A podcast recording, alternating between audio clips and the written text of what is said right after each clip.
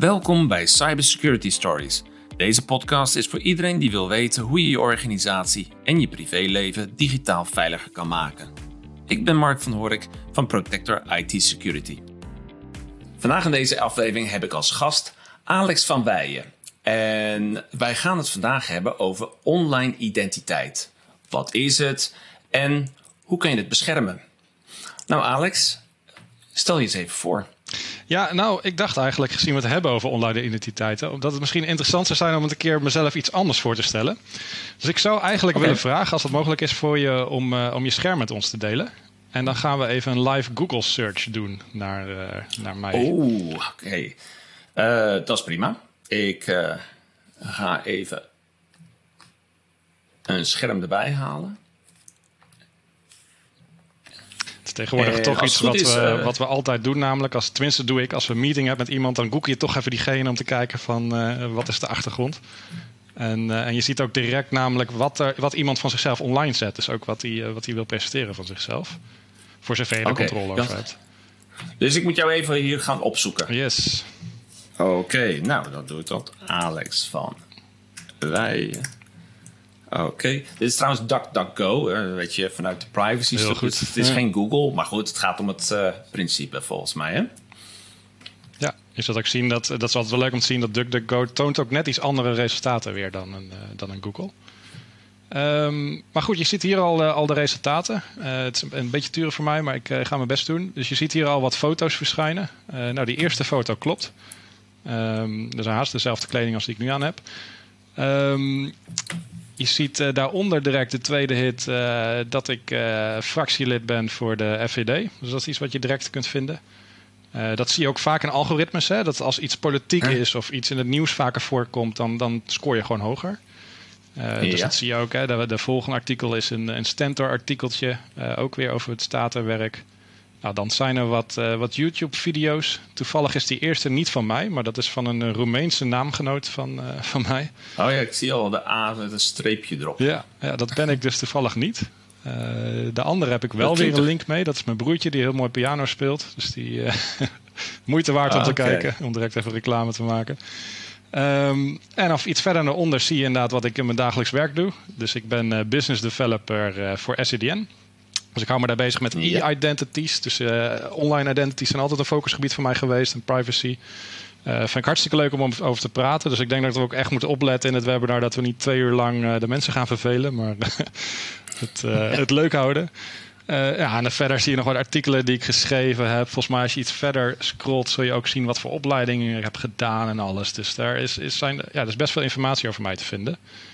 Um, had je dit twee jaar terug gedaan... had je van mij niks online gevonden... Uh, oh. Toen zat ik in een bepaalde positie dat ik uh, echt heel privacy bewust was. Dus ik wilde ook niks van mezelf uh, online te vinden laten zijn. Um, maar eigenlijk, ja, sinds een jaartje of twee terug ben ik wat politiek actiever. Ik heb een meer commerciële rol, dus ik wil toch iets meer vindbaar zijn. En je ziet dat dat ook direct, dat het wel zo werkt in die zin. maar ik denk, dit geeft al een redelijk beeld van mij. Dus ik werk, werk bij SCDN. Um, ehm, ik ben statenlid inderdaad voor Forum. Uh, Christen kan je ook nog zien daar in een artikeltje daarboven.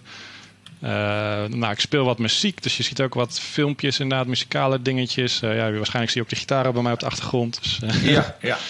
En eigenlijk sinds mijn hele carrière hou ik me dus al bezig met, met cybersecurity, privacy.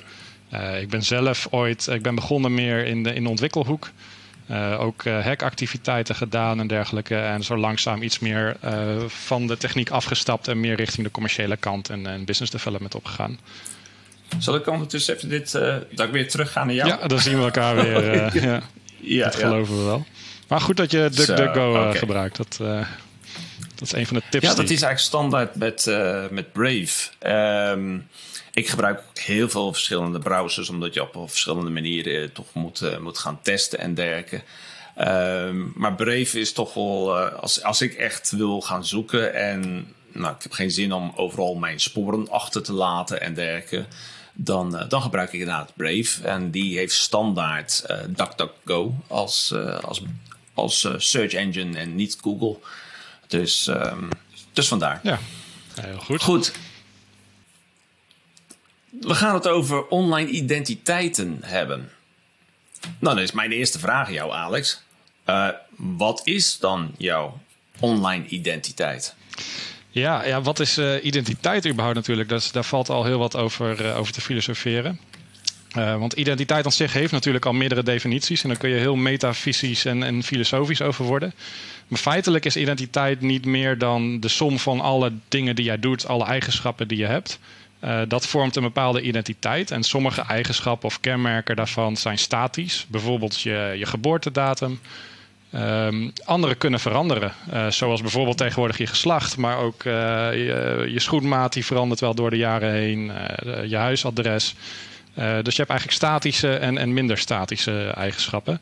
En eigenlijk is online niet, niet anders. Dus je hebt een online identiteit en die manifesteert zich op heel veel verschillende manieren. Uh, dus feitelijk heb je ook niet één online identiteit, maar heb je allerlei verschillende persona's of profielen online die gezamenlijk jouw, uh, jouw identiteit bepalen. Um, nou, we hadden net al bijvoorbeeld over DuckDuckGo. Als je bijvoorbeeld wel Google gebruikt, dan laat je al best wel een footprint achter. Van je heel je zoekgedrag en dergelijke. Die kan worden opgeslagen of gekoppeld worden aan bepaalde dingen. en al die data tezamen vormt jouw, digitale identiteit. Um, en dat is denk ik meer dan je, dan je wel eens realiseert. Want er wordt best wel veel gevraagd van je op het internet. Er zijn heel veel sites waar je, waar je moet inloggen. Uh, dus waar je een account moet aanmaken. Waar je vaak je geboortedatum moet opgeven of je adresgegevens. En als je daar eens een keer bij stilstaat, bij alles, alle data zeg maar, die online staat, dan zul je uh, realiseren dat het best veel is uh, tegenwoordig. Dus dat eigenlijk een heel ja, kort. Dus je, ja, dus, dus noemt dat ook de digitale footprint of zo? Ja, klopt. De, Nee, dus wat je eigenlijk allemaal achterlaat aan spoor. Dus met andere woorden, als ik niet Brave en DuckDuckGo als combinatie, maar Chrome en Google, dan had ik waarschijnlijk heel wat meer over jou gevonden. Ja, dat denk ik wel. Uh, of, of andere, andere informatie in ieder geval. Of andere ja, informatie. Wat je dan uh, zult zien ook als je bijvoorbeeld Google had gebruikt, dan, dan past Google het ook meer aan aan jouw uh, vorige zoekopdrachten. Dus stel jij zoekt heel veel op cybersecurity, wat ik me kan voorstellen, dan zul je eerder de resultaten naar boven zien komen. Voor mij bijvoorbeeld, ik heb verschillende artikelen geschreven ook over cybersecurity. Dan zal dat waarschijnlijk hoger scoren. Dus Google personaliseert ook het zoekgedrag. Dus het is ook niet objectief in die, uh, in die zin. Ja, ja, dat is echt af aangepast op wat, uh, wat voor gedrag en wat ze weten van jou. Ja. Dus wat jouw online identiteit, hoe die bekend is bij, uh, bij Google. Ja. Nou gaf je eigenlijk aan dat er ook um, dat iemand ook meerdere identiteiten kan hebben. Um, als je dat uh, beschouwt, zijn dat dan echt complete andere identiteiten of zijn dat variaties op je gewoon je persoonlijke identiteit, identiteit sorry. Of kan iemand ook gewoon een compleet andere online identiteit hebben? Uh, ik denk ja, ja en ja. dus uh, okay. voor, uh, voor, laten we zeggen, voor ons normale burgers hebben we denk ik te maken met subsets van identiteiten. Dus je presenteert jezelf op een site op een bepaalde manier, maar niet iedere site heeft alle gegevens van jou nodig. Hè? Een, een Facebook, ik noem maar wat, vraagt hele andere gegevens van jou dan als je wil inloggen bij Amazon, wat toch gaat meer om aankopen doen. Uh, dus zo heb je eigenlijk subsets van waarheden die in het soort totaal jouw identiteit vormen. Uh, daar hoef je natuurlijk niet helemaal eerlijk over te zijn. En je ziet dat tegenwoordig heel erg. Bijvoorbeeld op Twitter heb je heel veel anonieme accounts. Dus mensen die zoiets hebben van ja, ik wil heel graag mijn mening kunnen spuien. Um, en, en niet zoveel rekening hoeven te houden met anderen. Dus ik ga anoniem het, online, het web op. En um, die liegen dus feitelijk over hun identiteit. Of die maken zich in ieder geval niet kenbaar. Um, en dan kan je nog een stap verder doen, is dat je natuurlijk ook daadwerkelijk echt misbruik ervan maakt. Dus als je je presenteert alsof je iemand anders bent. Um, dus uh, bijvoorbeeld stel, uh, ik zeg niet dat het waar is, maar stel die eerste Alex van Weijen die we vonden net in dat, in dat videootje. Ja, misschien was dat wel iemand die dacht van, hé, hey, uh, ik zie dat die Alex goed scoort in Google. Laat ik zijn naam overnemen op YouTube, zodat ik meer hits krijg bijvoorbeeld. zo wordt ook wel eens misbruik van gemaakt. Oké, en kan het ook wel eens voorkomen dat, dat je meerdere identiteiten hebt en dat dat op een of andere manier clasht? Uh, en beseffen mensen eigenlijk wel dat er, als je meerdere identiteiten hebt, dat de ene een nadeel kan zijn voor de andere? Ik weet niet precies wat je bedoelt met clashen. Kijk, wat, we, wat ik wel merk, en, en daar heb ik persoonlijk ook wel ervaring mee, is dat Ehm, naast identiteit heb je ook nog te maken met een soort van reputatie. Wat feitelijk ook gewoon in de echte wereld zo is. Hè? Van hoe je je overkomt, uh, wat voor beeld mensen van je hebben. Dat is online natuurlijk ook zo. Ik vertelde net al, als ik een meeting met iemand heb, dan doe ik vaak toch even een Google search of een DuckDuckGo search in dit geval. Om even te kijken van nou, waar, uh, wat vindt diegene interessant? Zijn er uh, aanknopingspunten voor een gesprek?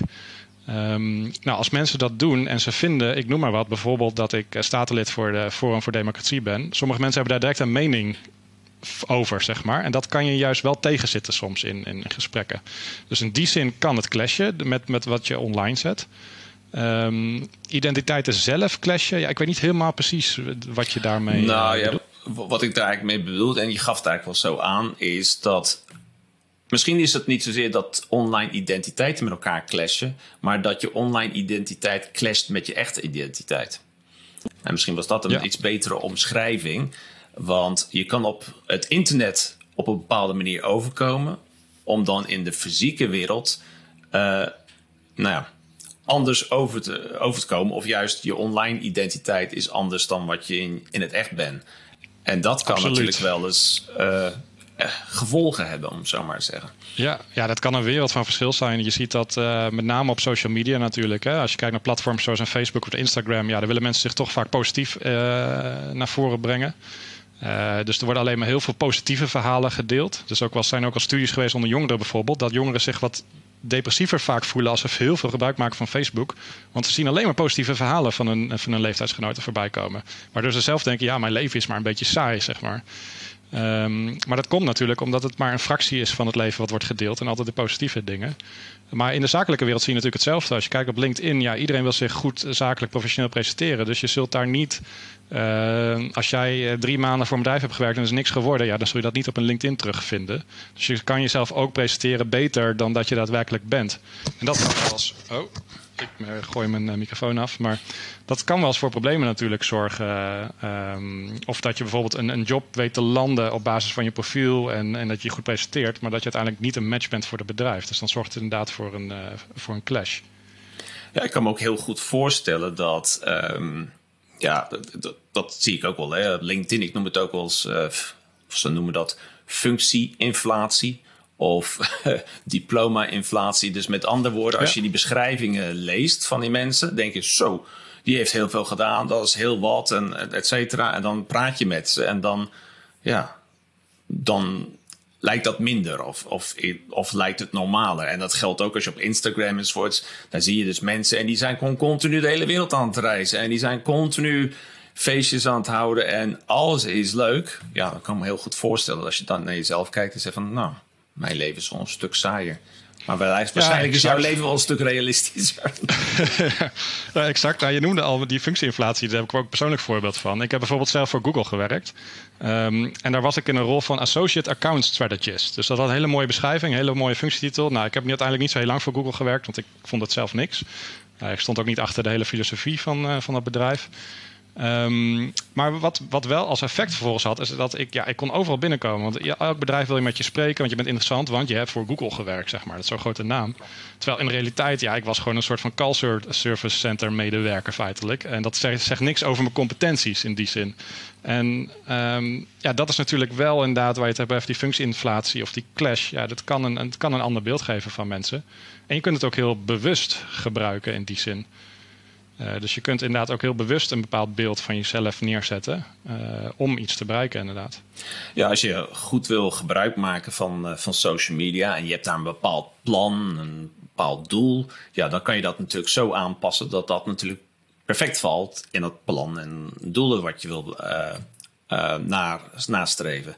Het kan ook natuurlijk de andere kant op, is namelijk dat je je, je, je privéleven heel erg openbaar hebt. Dus lekker met z'n allen een biertje drinken, waarbij sommige foto's uh, eigenlijk het daglicht niet hadden moeten zien, et cetera. En dan vervolgens wil je uh, een carrière stap gaan maken. En je gaf het eigenlijk al aan, uh, menigeen doet een check vooraf op, het, op het internet, de OSINT, om zo maar te zeggen, de Open Source Intelligence. En dan komen die beelden in beeld. En daar ben je eigenlijk eerlijk gezegd niet zo blij mee. Maar dat ja, jij dacht dat dat op een, uh, voor een heel ander doel was. Maar dat is toch wel iets waar je rekening mee moet houden, denk ik zo. Ja, dat kan, kan tegen je gaan werken. En um, ook één trend waar ik me wel zorgen over maak nu in, de huidige maatschappij, eigenlijk als we kijken naar internet, is dat je steeds meer ziet dat wij steeds meer bijvoorbeeld, ik kom er toch weer even terug op de Google. Um, omdat het gewoon een, een, een voorbeeld is waar, ja, waar iedereen tegenaan loopt. Is we gebruiken bijvoorbeeld heel vaak Google voor inlog op, op sites. Omdat dat makkelijk is. Hè? Want we hebben al een Google-account. Dus ik gebruik mijn Google-account om ook ergens op een site in te loggen. Um, wat niet heel veel mensen realiseren is dat het wel betekent dat Google precies jouw gedrag dus ook kan volgen op die sites. Dus Google weet precies hoe vaak je inlogt, hoe, wat er gebeurt. Um, vervolgens zien we ook dat een Google zich wil presenteren. Er zijn, zijn bankplannen bij een Google, maar Google wil ook echt een identity provider zijn om echt controle te hebben over jouw identiteit online. Uh, maar stel je nu voor dat je op een gegeven moment in een uh, positie komt dat, um, uh, dat online verzekeraars gaan samenwerken met Google. En die vragen aan Google van, joh, doe mij eens even die gegevens over, over Mark of over, over iemand anders. En, en die ziet dat, uh, en dat laat ik niet jou als voorbeeld nemen, want dat is niet, de bedoeling. Maar die ziet bijvoorbeeld dat een persoon in de afgelopen half jaar dat hij 30 keer heeft ingelogd bij GGZ, bij een instelling. Nou, dan kan het zo zijn dat zo'n verzekeraar denkt van, oeh, dit is wel een bepaald risico, dus ik ga mijn verzekeringsproduct dus niet uitgeven voor die persoon. Of ik ga mijn premie daarop verhogen. Dus dat is ook wel iets waar we denk ik uiteindelijk ook rekening mee moeten houden. Is dat we wel echt moeten opletten aan wie we onze identiteit geven en waar we inloggen. Vanuit welke, welke identity provider in die zin. Ja. Um, we komen steeds eigenlijk meer met de online identiteit. En we begonnen even van, nou wat is het? En we zijn het. Maar een term wat we nu tot nu toe nog helemaal niet hebben laten vallen, maar volgens mij uh, onlosmakelijk verbonden is met online identiteit, en dat is privacy. En um, nou, ik zeg wel eens: vraag aan 100 mensen: vind je privacy belangrijk? Dan zal iedereen zeggen: ja, ja, ik vind het belangrijk. Ik ben nog nooit iemand tegengekomen die zegt: privacy niet belangrijk. Wat ze wel zeggen: ik heb niks te verbergen. En als je dan vervolgens gaat, ziet, wat, gaat kijken wat die 100 mensen dan feitelijk doen om hun privacy te beschermen, ja, dat is uh, eigenlijk minimaal. Um, ik heb inderdaad niks te verbergen. Um, ik vind het wel belangrijk, maar het is wel heel erg ingewikkeld. En alles, het inloggen met een Google-account, het is wel heel erg makkelijk. Dus hoe sta jij er tegen? Hoe ervaar jij uh, privacy en het verhaal van online identiteit? Ja. Ja, er zit natuurlijk altijd een soort van clash tussen de privacy en online conveniency of user experience, zoals ze dat dan uh, noemen. Um, ik vind het verschil ook heel groot. Ook wat jij zegt van vraag 100 mensen. Uh, het verschil is ook heel groot tussen uh, of mensen privacy in hun fysieke le leven waarderen of in het digitale leven. Je ziet dat er toch anders mee wordt omgegaan. Um, kijk bijvoorbeeld als jij een huis hebt met een tuin, dan iedereen heeft eigenlijk daar wel een een hack of een, iets, iets omheen, zeg maar, om toch een soort stukje privacy zelf te hebben. Dus in de fysieke wereld waarderen we privacy heel erg. Uh, kijk je bijvoorbeeld naar je paspoort, ja, die hou je toch echt wel zelf in beheer. Die ga je niet aan iemand geven uh, ter bewaring of, uh, of iets, zeg maar. Uh, hetzelfde geldt voor je, je bankpas en dergelijke. En als je dan kijkt naar de online wereld, dan zijn we inderdaad veel sneller geneigd om allerlei gegevens ons toch over die schutting heen te gooien. Om toch bekend te maken aan allerlei organisaties. En dat heeft verschillende redenen. Ik denk dat een deel daarmee te maken heeft inderdaad wat jij ook aangeeft. Het is makkelijk. Het is niet zoveel gedoe, dus laten we maar snel klikken. Uh, wat je ook heel vaak ziet is als er iets gratis tegenover staat. Hè, dat er dan mensen iets hebben van... oh, hier mag je allemaal gegevens hebben, want je krijgt er iets voor terug. Um, maar ik denk dat het ook een deel te maken heeft... is dat als je kijkt naar de het internet zelf... het internet zelf is natuurlijk eigenlijk in, in heel snel in hele korte tijd ontstaan. Uh, want het is een, uh, vanuit het ARPANET, dus ergens in 1969 zeg maar, naar het internet wat we vandaag kennen. Ja, we zijn binnen 30 jaar zeg maar, zijn we enorm gegroeid. En ik denk eigenlijk dat er iets fundamenteels in, in de menselijke hersenen zit, dat het zich daar nog niet even over kunnen aanpassen, feitelijk. Dus de evolutie, feitelijk, wij lopen nog achter in de evolutie. Dus we kunnen nog niet zo goed omgaan met het digitale bestaan, feitelijk. Um, want als je kijkt naar vandaag wat er allemaal al gedeeld wordt met internet, dus kijk ook aan smart devices, IoT devices, die in, in, je, in je huis staan. Uh, wat we doen op social media. Want we zijn als mensen natuurlijk ook hele sociale wezens. Dus willen, we dat, uh, we willen dingen delen, we willen geliked worden, we willen een beetje reputatie hebben. En ik denk dat daar dat ook een psychologisch element aan te grondslag ligt. Dat wij nog gewoon nog niet zo goed online goed kunnen omgaan met onze privacy. Ehm, en daar komt natuurlijk bij kijken dat online dat er. Um, uh, sowieso zeg ik altijd: online is er geen privacy. Dat bestaat niet, dat concept haast. Dus je, je kan een beperkte, beperkte privacy krijgen online, maar volledig privacy gaat nooit lukken. En dat heeft er ook mee te maken dat er natuurlijk heel veel commerciële aanbieders zijn online. Dus die willen iets van jou. Er zijn heel veel aanbieders, uh, dat noem ik weer de Facebook en de Google en, en de tech giants feitelijk van deze wereld. Die willen uiteindelijk advertenties aan jou voorschotelen, zodat ze producten kunnen verkopen. En uh, dat doen ze op hele slimme manieren. Dus hoe meer data ze van jou hebben, hoe beter zij hun advertenties kunnen personaliseren. En hoe meer je gaat kopen, dus hoe groter het verdienmodel ook is voor, uh, voor die partijen. En die combinatie van uh, wij willen gemak, uh, wij zijn psychisch niet helemaal voorbereid op, op het digitale privacy-element. En er zitten commerciële partijen die er alles aan doen om gebruik te maken van onze triggers, dat we die gegevens maar geven. Denk ik dat het ook heel moeilijk maakt tegenwoordig voor mensen om, om bewust hiermee om te gaan. 100% privacy is bijna hetzelfde als 100% digitale veiligheid, dus security. Mm -hmm. dat, dat, dat is er gewoon niet. En, uh, en als mensen ook een beetje vragen van... oké, dit is toch een cybersecurity video podcast... en we hebben het nu allemaal over online identiteiten en, uh, uh, en, en, privacy. Um, wij waren allebei heel erg... We, we, zeiden gelijk, oh, dit is een onderwerp waar we het graag over willen hebben. en ik wilde het ook heel graag als onderwerp hebben... omdat ik zelf privacy ook, ook online privacy heel erg belangrijk vind... Maar je krijgt het niet als je niet je security op orde hebt. En daarmee maak ik een bruggetje naar een volgende vraag die ik wil stellen aan jou. Um, nee, laat ik deze introduceren met een, met een situatieschets. Laat ik dat doen. Um, je hebt een, een Facebookpagina. Daar staat een hartstikke leuke profielfoto op van jou. En als mensen daarna gaan kijken, want dat is gewoon openbaar. Hè? Dus die coverfoto eh, aan de bovenkant, dat is gewoon, iedereen kan dat zien. En dan vervolgens krijg je een telefoontje of een berichtje van uh, een vriendin van je. En die zegt dan, uh, hey Alex of hey Mark, wat doe jij op Tinder? Ik zeg, ho, ho, ho, Tinder, ik? Nee, uh, daar weet ik niks van. Oh, maar ik zag je, sorry, ik zag jouw foto op Tinder en uh, nou ja, je was uh, flink actief bezig met uh, het eh, onderhouden van relaties. en, en je had mij ook benaderd en je wilde met mij afspreken. Nou, het voordeel voor ons in dit verhaal is dat die vriendin ons kent en dat dus tegen ons zegt. En wat blijkt nou? Zo'n persoon heeft gewoon jouw identiteit gekaapt om eigenlijk allemaal dates te scoren met een, uh, met een fake profiel, maar wel met jouw gegevens. Um, hoe kan je zulk soort misbruik van, online, uh, van jouw online identiteit, hoe kunnen we dat uh, vermijden? En dan komen we toch nog een beetje bij een cybersecurity onderwerp. Misbruik van je online identiteit.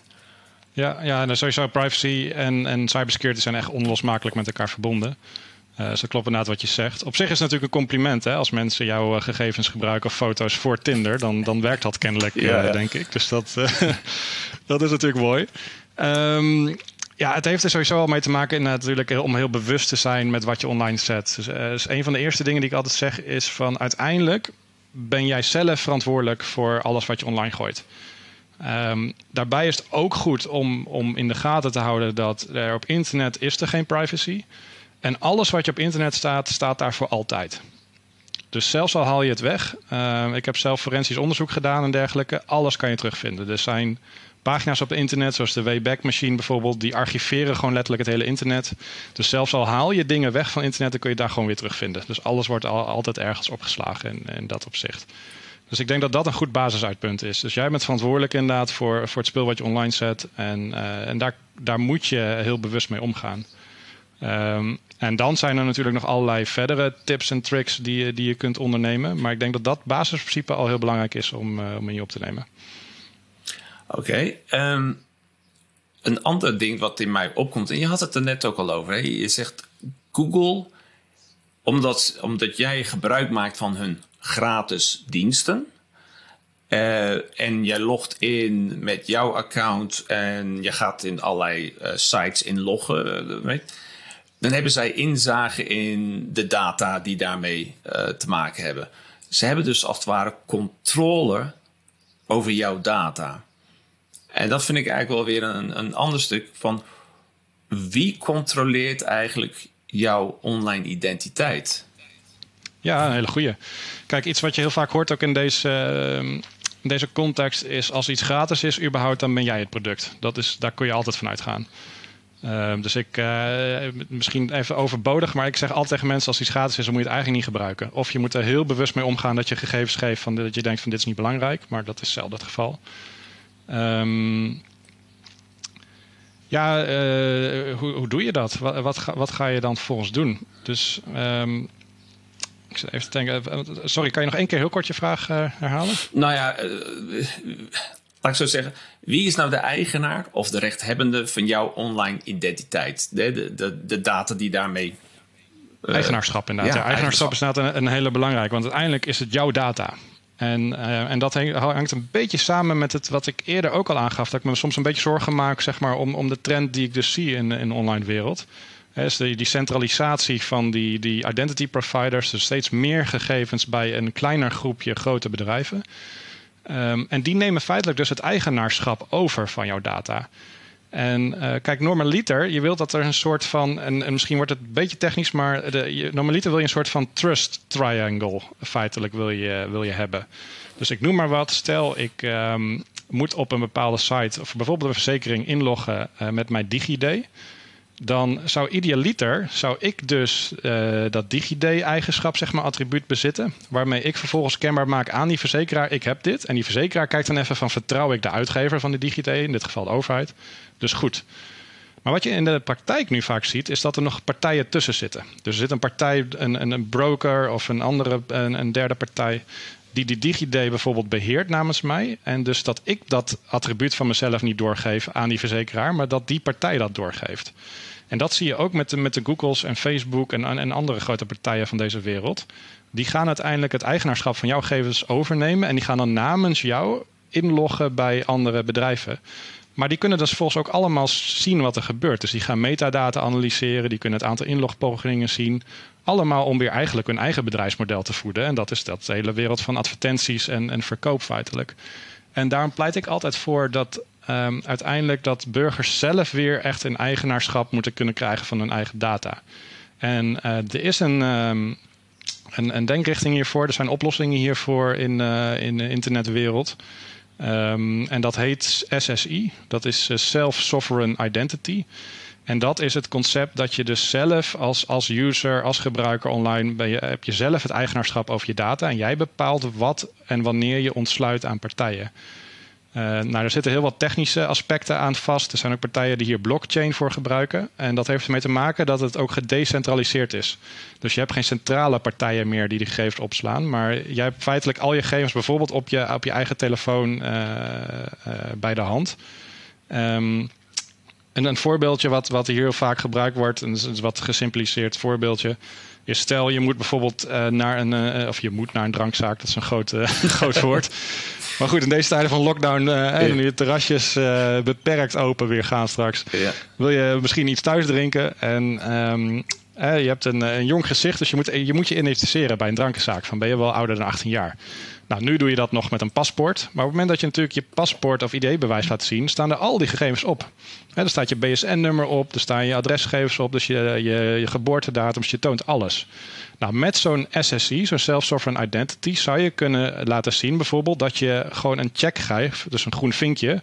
Ik ben ouder dan 18 jaar. Want dat is uiteindelijk alles wat die eigenaar van die drankwinkel hoeft te weten. En dat is een heel andere manier van denken, een heel ander concept. Dus er zit filosofisch, eh, technisch zit een heel ander concept uh, onder. En ik hoop dat dat dat steeds meer mensen dat gaan realiseren, dat ze dat willen gaan gebruiken en dat het steeds meer geïmplementeerd gaat worden. Want ik denk dat zou het, de, hele online de, uh, wereld, zeg maar, de internetwereld, weer een stukje privacyvriendelijker kunnen maken.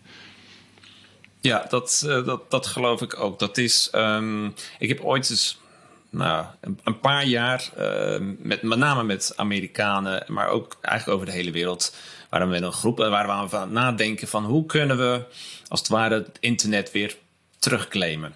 Uh, want het, eigenlijk het oorspronkelijke idee met internet was veel nou ja, was zeg maar veel vrijer en veel meer op dat privacy gericht. En ehm, ja, het zijn met name de, de, de, grote big tech jongens die uiteindelijk nu zeg maar de, de, de, de internet rulen. Uh, en die hebben inderdaad alle gegevens. En het is altijd in hun voordeel om zoveel mogelijk die informatie bij hun te hebben. Terwijl je het liefst eigenlijk wil weten van, nou ja, dit is mijn dataset en ik geef het aan jou in ruil voor iets. Of je betaalt ervoor, of je geeft mij iets van waarde uh, terug. Maar ik ben in controle. En dat is dus nu helemaal niet het geval.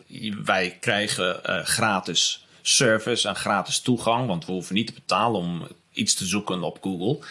Uh, maar daarvoor betaal je uh, met, met je data. En nou, als dat allemaal goed evenwichtig was en heel transparant, nou, dan zou ik kunnen zeggen van nou, oké, okay, prima. Maar we weten niet wat er eigenlijk allemaal gebeurt.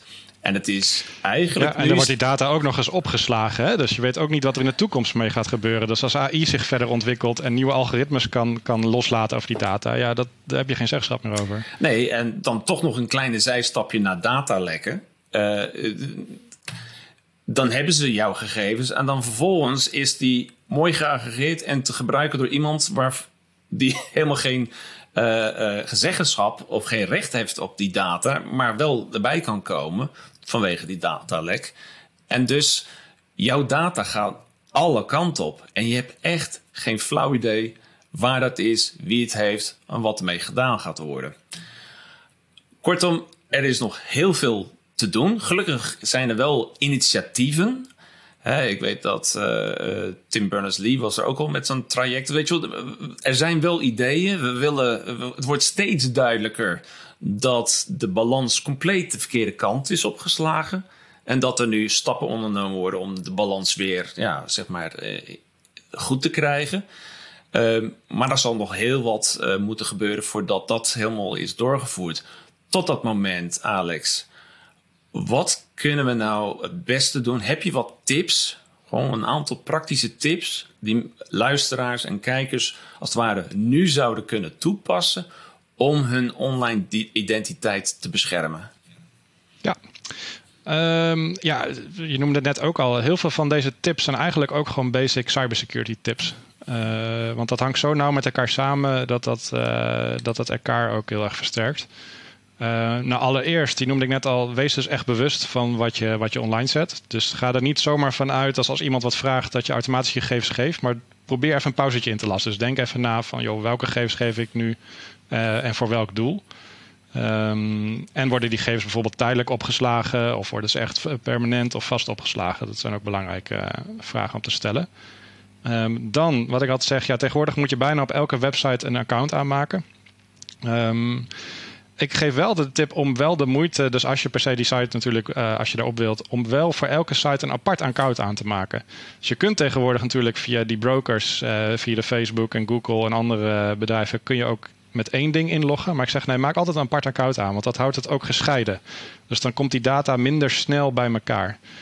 Um, en gebruik, als je dan een account maakt, gebruik dan ook uh, echt unieke wachtwoorden. Dus hè, sommige, we zijn vaak gemakkelijk ingesteld. Dus denken we, ah, we hebben een, vrij makkelijk, sterk, redelijk sterk wachtwoord. Dus we gebruiken overal dezelfde. Nou ja, dan is het natuurlijk zo dat als er een hack uh, of een data breach ergens plaatsvindt en jouw wachtwoord zit daarin. Um, ja, dan ben je natuurlijk voor al die sites uh, ben je kwetsbaar. Dus maak altijd gebruik van unieke wachtwoorden, sterke wachtwoorden. Um, en dan ontkom je er eigenlijk niet aan om een goede passwordmanager te gebruiken. Dus er zijn tegenwoordig meerdere passwordmanagers. Sommige werken online. Ik, ik prefereer zelf een offline passwordmanager. Dus daar, uh, daar kun je zelf je keuzes in maken. Um, maar het feit dat je een passwordmanager gebruikt, dat, dat helpt al. Want dan kun je die sterke wachtwoorden en unieke wachtwoorden genereren. Um, ook raad ik altijd aan om in ieder geval bij de meest belangrijke accounts, dus waar jij al je gegevens hebt, bijvoorbeeld je mail of je, je bankgegevens en dergelijke, om altijd gebruik te maken van multifactor authenticatie. Of twee-factor authenticatie. Dus zorg dat je een extra stapje erin gebouwd hebt. Dus als je inlogt, dat er bijvoorbeeld nog iets naar je telefoon wordt gestuurd. Dus dat je nog met een app moet inloggen. Uh, of dat je een sms'je krijgt. Maar in ieder geval dat er nog net een extra stap is ingebouwd. Um, dus dat is een tip. Dan heb je bij heel veel programma's, dus ook bij Google bijvoorbeeld, heb je ook de mogelijkheid om notificaties te ontvangen als er verdacht gedrag is. om een alarmering te ontvangen. zo heb ik bijvoorbeeld een keer ook van mijn creditcardmaatschappij een alarmering gekregen, omdat er, er was wat uh, er was gedrag wat binnen of buiten het normale patroontje viel. En wat bleek nu, dus had een hotelketen had mijn creditcardgegevens gelekt, omdat ik daar ooit had geboekt met een creditcard. En die creditcard was vervolgens gekoppeld daadwerkelijk aan een, aan een hotel. Waardoor vervolgens alle transacties van het hotel via mijn creditcard verliepen. Dus het ging ook echt om duizenden euro's.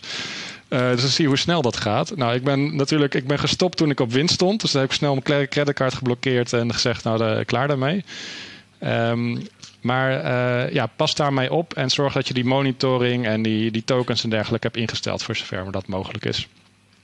Wees ook echt voorzichtig dus met, met webshops en betaalgegevens wat je, wat je bekend maakt. Nou, dan iets dat. Ja, dat klinkt heel stom om te zeggen, maar het verbaast me hoeveel mensen dat nog doen. Maar um, speel niet mee met van die stomme social media spelletjes en quizzes. Dus je komt heel vaak, uh, tegenwoordig zelfs op LinkedIn zie ik ze af en toe voorbij komen. Met name Facebook is hier heel goed in. Dan krijg je van die quizjes van welk, uh, weet ik veel, welk uh, Harry Potter huisdier ben jij op woensdag of zo. En dan moet je allemaal gekke dingetjes in, invoeren en dan komt er iets uit. Wat niet veel mensen weten is dat juist die quizjes worden ook vaak heel erg gebruikt door cybercriminelen. Omdat Um, daar bepaalde algoritmes in zitten. Uh, er komt bijvoorbeeld een naam uit. En die naam is een, een, een samenvoeging van gegevens, data van jouw Facebook-profiel.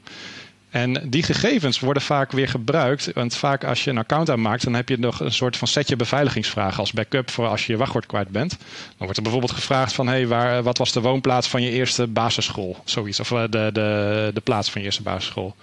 Uh, en zo proberen ze dus via quizjes te achterhalen om antwoorden te krijgen voor die security vragen waarmee ze vervolgens kunnen inloggen. Dus dat is iets om uh, ook stil bij te staan. Nou, en, en anders, het zijn, het zijn echt basisdingen. Dus gebruik geen uh, publieke wifi. Nou, gelukkig hebben we tegenwoordig allemaal steeds betere telefoonabonnementen met, met 4G, 5G. Dus dat, dat hoeft eigenlijk geen probleem meer te zijn. Maar gebruik het gewoon niet. als je het dan per se wil gebruiken, zorg er dan minstens voor dat je echt een goede, goede VPN-verbinding hebt. Uh, dus een VPN is nog een tip uh, die ik heb. dat is een soort van tunnel, hè? dus dat je online wat, uh, wat anoniemer kan, kan zijn. dus, dus zorg daar ook voor. Er zijn best wel wat goede VPN's beschikbaar. ook VPN's die gekoppeld zijn aan e-mailprogramma's en dergelijke. Dus daar, daar is echt wel wat, wat voor te vinden. Um, ja, wees, ik, nog een paar tips denk ik, maar wees ook erg voorzichtig met, met verzoeken online. Dus je hebt heel vaak vriendschapsverzoeken, met name op social media. Maar ook op LinkedIn bijvoorbeeld, uh, van mensen die je niet kent. En mensen zijn dan toch soms geneigd om dat te accepteren. Uh, soms ook omdat er wat gedeelde connecties zijn of zo. Maar als je die persoon persoonlijk niet kent, zou ik echt adviseren: doe dat niet. Want dat kunnen ook dus mensen zijn die misbruik willen maken van je profiel. Uh, die vervolgens je, je gegevens jatten en daarmee bijvoorbeeld op een Tinder gaan of, uh, of iets anders mee doen om er geld of iets anders mee te verdienen. Um, dan een tip, die kennen veel mensen niet, maar Google heeft bijvoorbeeld de mogelijkheid om Google Alerts in te stellen. En dat zijn een soort van automatische notificaties als jouw um, iets wat je hebt opgegeven online wordt gevonden. Dus wat ik vaak als tip geef is: stel in, je Google, in Google Alert, stel daar um, jouw e-mailadressen in. Want mocht jouw e-mailadres ergens opduiken, dan uh, krijg je daar direct notificatie van. Dus dat is best een, eh, een eh, handig uh, iets om, uh, om te doen. En dat kun je voor meer dingen doen. Dat kun je ook voor je naam doen, dat voor andere dingen. Ik zou het niet voor je wachtwoorden doen, maar dat, dat moet je zelf weten. Um, en er zijn ook sites. En um, ik, ik, ik leid hier heel vaak mensen naartoe. Je hebt bijvoorbeeld de site Have I Been Pawned? .com is het volgens mij. misschien kunnen we een linkje ergens in, in, in beeld of zo doen. Maar daar kan je e-mailadres opgeven. En dan zie je dus in welke data breaches jij ooit bent geweest. Um, ik zeg al haast niet meer of jij ooit in een data breach bent geweest. Want tegenwoordig is eigenlijk iedereen wel een keer eh, onderdeel van een data breach geweest. En dan kun je ook om redeneren. Want als je ziet van die data breach is vorig jaar geweest. en je hebt je wachtwoord niet meer gewijzigd sinds die tijd. dan kun je dus vanuit gaan dat je account gecompromitteerd is. Dus dat zijn ook van die online tools die, uh, die handig kunnen zijn. Nou, en last but not least is, um, ja, let ook op op wat voor browsers je gebruikt uh, en, en, zoekmachines bijvoorbeeld. We zagen net al, hè, Mark, toen jij opende had jij inderdaad niet, uh, niet de standaard Chrome browser. Uh, maar Brave was het volgens mij. Um, met DuckDuckGo. Dus dat, dat soort kleine dingen helpen ook allemaal om ja, de data die je dan online zet of wat je online doet, om dat in ieder geval dusdanig te fragmenteren dat het niet geaggregeerd ergens te vinden is. Waardoor het dus makkelijk is voor hackers of kwaadwillenden of commerciële bedrijven om daar misbruik van te maken. Dus dat is denk ik even zo een, een lijstje met, uh, met tips. Nou, dat was een, een hele reeks. Uh, hele goede tips. Um, Ja, ik, ik, ik zou daar kleine aanvullingen en zo. Um, dat van die, uh, die, die, die quizjes, dat wist ik eerlijk gezegd nog niet eens. Um, dus dat vond ik wel eventjes een, eh, een hele goede quiz. Um, afgezien het feit dat ik het meeste van die suffe quizjes en ik doe er niet aan mee. Maar ik ken er genoeg die dat wel doen. En dan wordt vervolgens je hele timeline uh, op Facebook of een beetje ook LinkedIn, wordt daar dan mee gespamd. Uh, dus voor mij is het meer uh, vervelend, annoying. Uh, maar dat hier cybercriminelen achter zitten om, om die gegevens te, te, te, krijgen. het is natuurlijk een mooie manier om steeds meer van jou te weten. En een, een tip van mij wel, zou zijn. Als je dan van die vragen hebt, die zegt van wat is jouw favoriete huisdier en dit. Iemand die zo blij is met zijn huisdier, heeft dat vast en zeker in zijn timeline op Facebook gezet. Geef gewoon een compleet ander iets op. Als dat, wat is jouw favoriete huisdier? Voor mij part zet je Darth Vader. Jij snapt het wel, maar niemand gaat Darth Vader als jouw uh, favoriete huisdier zien. Waar ben je geboren? Helemaal zoiets. Dat is heel makkelijk te achterhalen. Noordpool. Weet je, allemaal dat soort zaken. Zolang jij het maar weet, dat de rest het niet zelf kan, zo kan herleiden. Nou, iets wat ik denk dat je ook gewoon, uh, want we hebben het hier nu over meer uh, gegevens van, um, van, jou, uh, van jouw identiteit. Maar iets wat ik op zich is natuurlijk heel leuk dat jouw gezicht gescand kan worden. En dat dan vervolgens ben jij Beyoncé of je bent iets, iets grappigs. En met artificial intelligence zo lijkt dat echt verbazingwekkend goed. Maar er is dus gewoon een of andere app die dan vervolgens al jouw unieke gezichtspunten heeft gescand. Uh, nou, ik, uh, toen ik iemand uh, dat zag, toen heb ik al gezegd: besef je nou dat dat die partij dus nu gewoon al jouw gegevens, jouw gezichtsgegevens heeft? Nou, daar schrok men van. Want het is allemaal leuk. Het zijn altijd van die speelse dingetjes. Maar ondertussen hebben ze wel jou, zijn ze bezig jou te klonen. En daar kunnen ze dus misbruik van, uh, van maken. Nou, het ja, hele goede. En vaak, geven ze, vaak geef je juist zelfs nog toestemming als je de voorwaarden erop naleest. Dat ze jouw gezicht of jouw gegevens mogen gebruiken in advertentiedoeleinden. Dus voor hetzelfde geld zie je jouw gezicht ergens terugkomen in een grote banners of, of iets dergelijks. Maar goeie, ja. Ja, Oh ja, ja die, die, die condities. Ik, volgens mij ben ik echt even. Ik, ik zie jou er ook wel voor aan, Alex. Om voordat je ergens moet gaan klikken op ja, dat je toch nog die terms and conditions of the privacy policy helemaal naleest. Wat Absoluut, drama ja. altijd. Ja, voor, voor 15 mei ben ik bijvoorbeeld van WhatsApp af.